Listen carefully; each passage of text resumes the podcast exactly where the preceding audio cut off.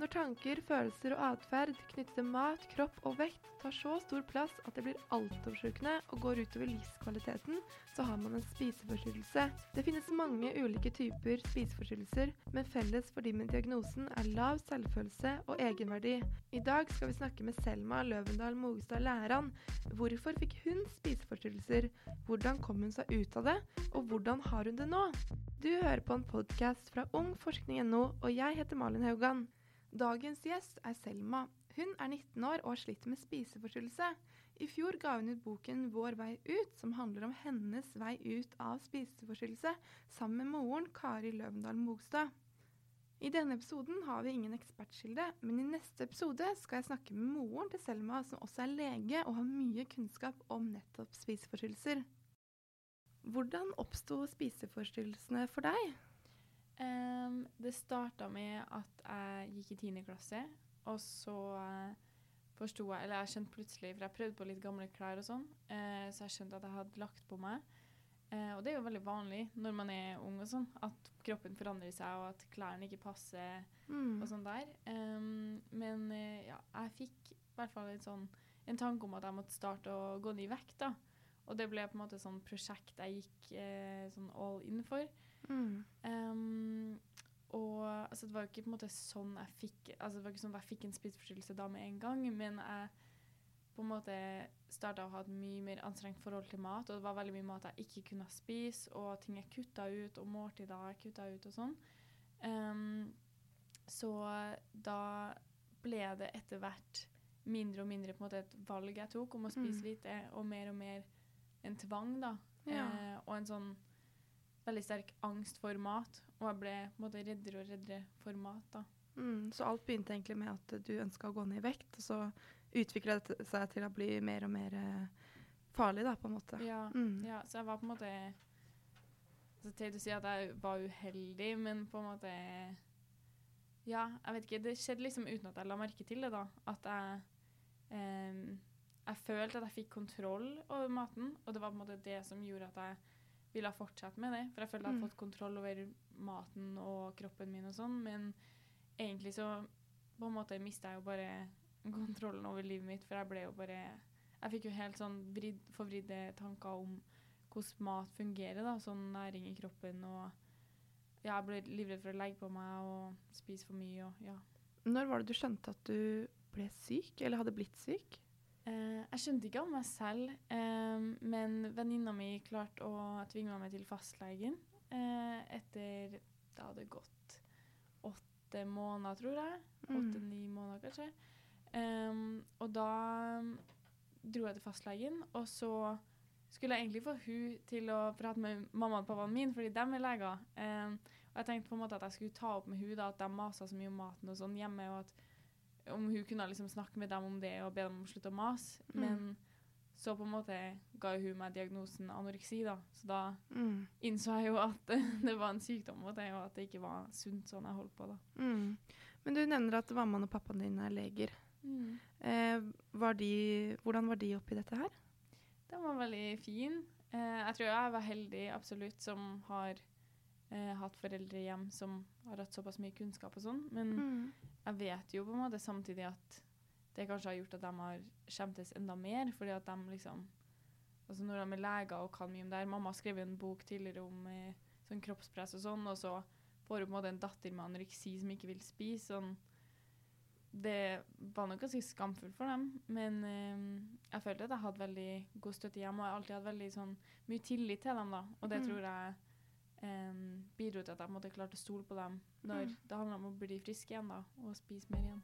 Tall fra norsk studie fra 2022 viser at hele én av tre jenter har et problematisk forhold til mat. Det kommer også frem at så mange som én av ti ungdommer i videregående skole oppfyller kravene for å bli diagnostisert med en spiseforstyrrelse. Er det noen ting du skulle ønske at eh, de rundt deg gjorde annerledes? Um, jeg skulle kanskje ønske at enda flere hadde turt å ta opp med meg at de var bekymra før jeg altså, fikk hjelp, og før jeg fikk diagnosen. Mm. Um, for jeg har jo fått vite i ettertid at det var ganske mange venner sånn som på en måte var bekymra, og de snakka mye om det seg imellom, og det tror jeg jeg ville gjort selv òg, liksom. Altså, ja.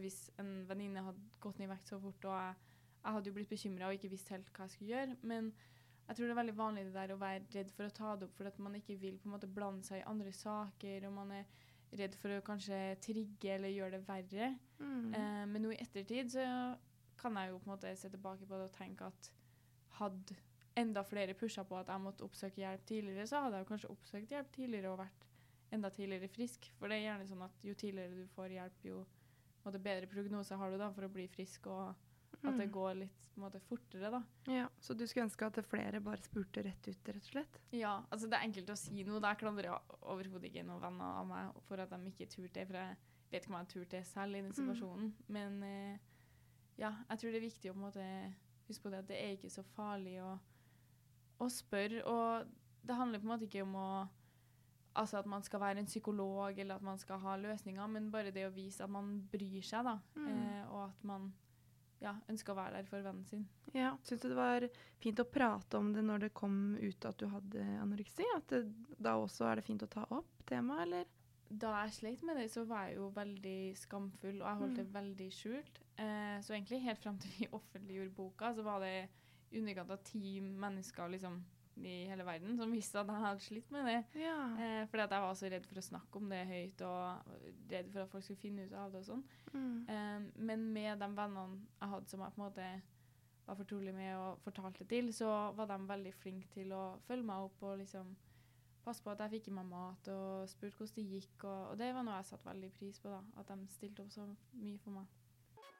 Det er fremdeles litt uklart hvorfor noen får spiseforstyrrelse og andre ikke, men forskning har vist at det gjerne er en kombinasjon av genetiske, biologiske, psykologiske, sosiale og atferdsmessige faktorer som hver for seg eller til sammen kan føre til at noen får en spiseforstyrrelse. Så med andre ord er dette veldig komplisert. Hvordan kom du deg ut av spiseforstyrrelsen? Det er jo et veldig sånn, stort og vanskelig spørsmål. Eh, det var jo en veldig lang prosess. Um, men eh, det handler jo i bunn og grunn om å på en måte spise. Altså mat er medisin mot den sykdommen. Og jeg fikk eh, hjelp hos BUP, så jeg fikk to behandlere der. hvor den ene Jeg var i noe som heter familiebasert terapi. da. Så den ene behandleren eh, var med mamma og pappa eh, først og liksom prata med dem, mens jeg hadde en behandler som var med meg. Og så Mm. måte hadde vi liksom time sammen etterpå, da, hvor eh, vi diskuterte det vi hadde snakka om og sånn.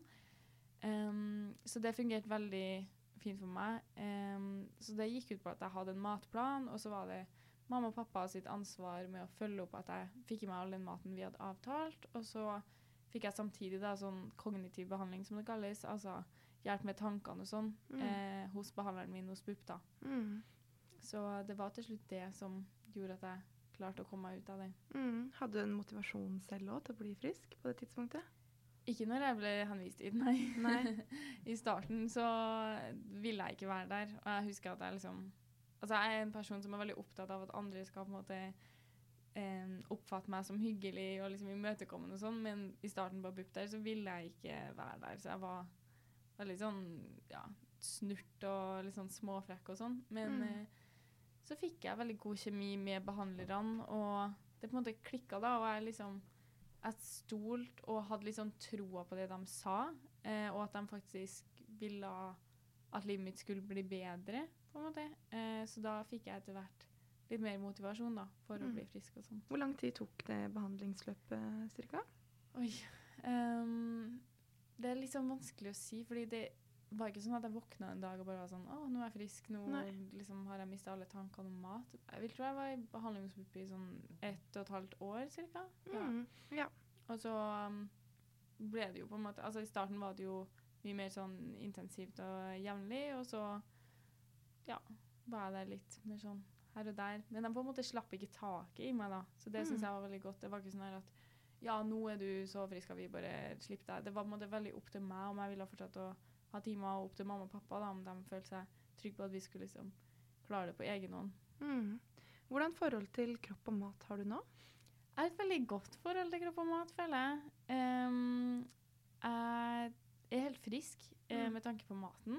Så, og det er egentlig noe jeg blir sånn fascinert av, at det går an å bli så frisk sånn i hodet em, etter å ha hatt så skrudde tanker om mat. Mm. Fordi nå sitter jeg og ser tilbake på de tankene jeg har, og på en måte sånn syns det er veldig fjernt. da, sånn Jeg skjønner ikke at jeg på en måte tenkte sånn. Mm. Og ja, jeg, nei, jeg vet ikke. Jeg blir litt fascinert av hvordan kroppen på en måte bare har klart å liksom jobbe seg helt ut av det. da. Mm. Um, og jeg har et mye bedre forhold til kropp, føler jeg. fordi at em, jeg tenker veldig mye mer på hva kroppen min gjør for meg, og hvor heldig jeg er som har en frisk og sunn og sterk kropp som på en måte ja, klarer å røre seg og gjøre alle de tingene eh, jeg vil at den skal gjøre. da. Fordi jeg merka jo at jeg fikk veldig mye sånn fysiske konsekvenser av anoreksi, så det gjør at jeg er blitt litt mindre opptatt av hvordan den på en måte ser ut, og sånn det rent estetiske, men mer opptatt av ja, hvor heldig jeg er som har en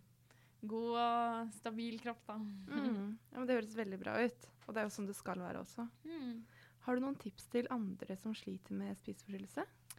Eh, det første og hva skal jeg si, enkleste, eller enkleste Altså det viktigste, da, jeg syns, er å eh, tørre å søke hjelp.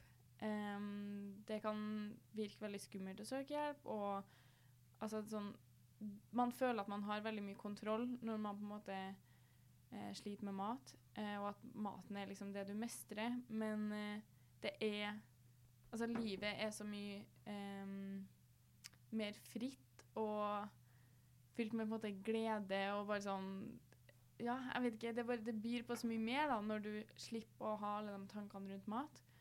Um, og så Et annet viktig poeng er at jeg tror det er mange som tenker sånn Å nei, men jeg er på en måte jeg er ikke syk nok, eller jeg er ikke så tynn, eller altså man, på en måte ven, man skal liksom vente til man er sykere eller syk nok til å søke hjelp. Men jeg Mm. tenker, hvis du syns mat er vanskelig, og det går ut ved livskvaliteten din, så bør du snakke med noen. Selma fikk anoreksi og mistet kontrollen over livet sitt. Nå har hun klart å komme seg ut av spiseforstyrrelsen, men for å komme dit trengte hun hjelp. Det er viktig å tørre å spørre dersom man har mistanke om at en du er glad i har spiseforstyrrelse, selv om det kan være veldig vanskelig. Dagens gjest var Selma Løvendal Mogstad Lærdal, og jeg, Malin Haugan, var programleder. Dersom det er noe du lurer på, send gjerne en e-post til e-postalfakrøllforskning.no. Dersom du vil vite mer om forskningen som er brukt i episoden, gå inn på ung.forskning.no.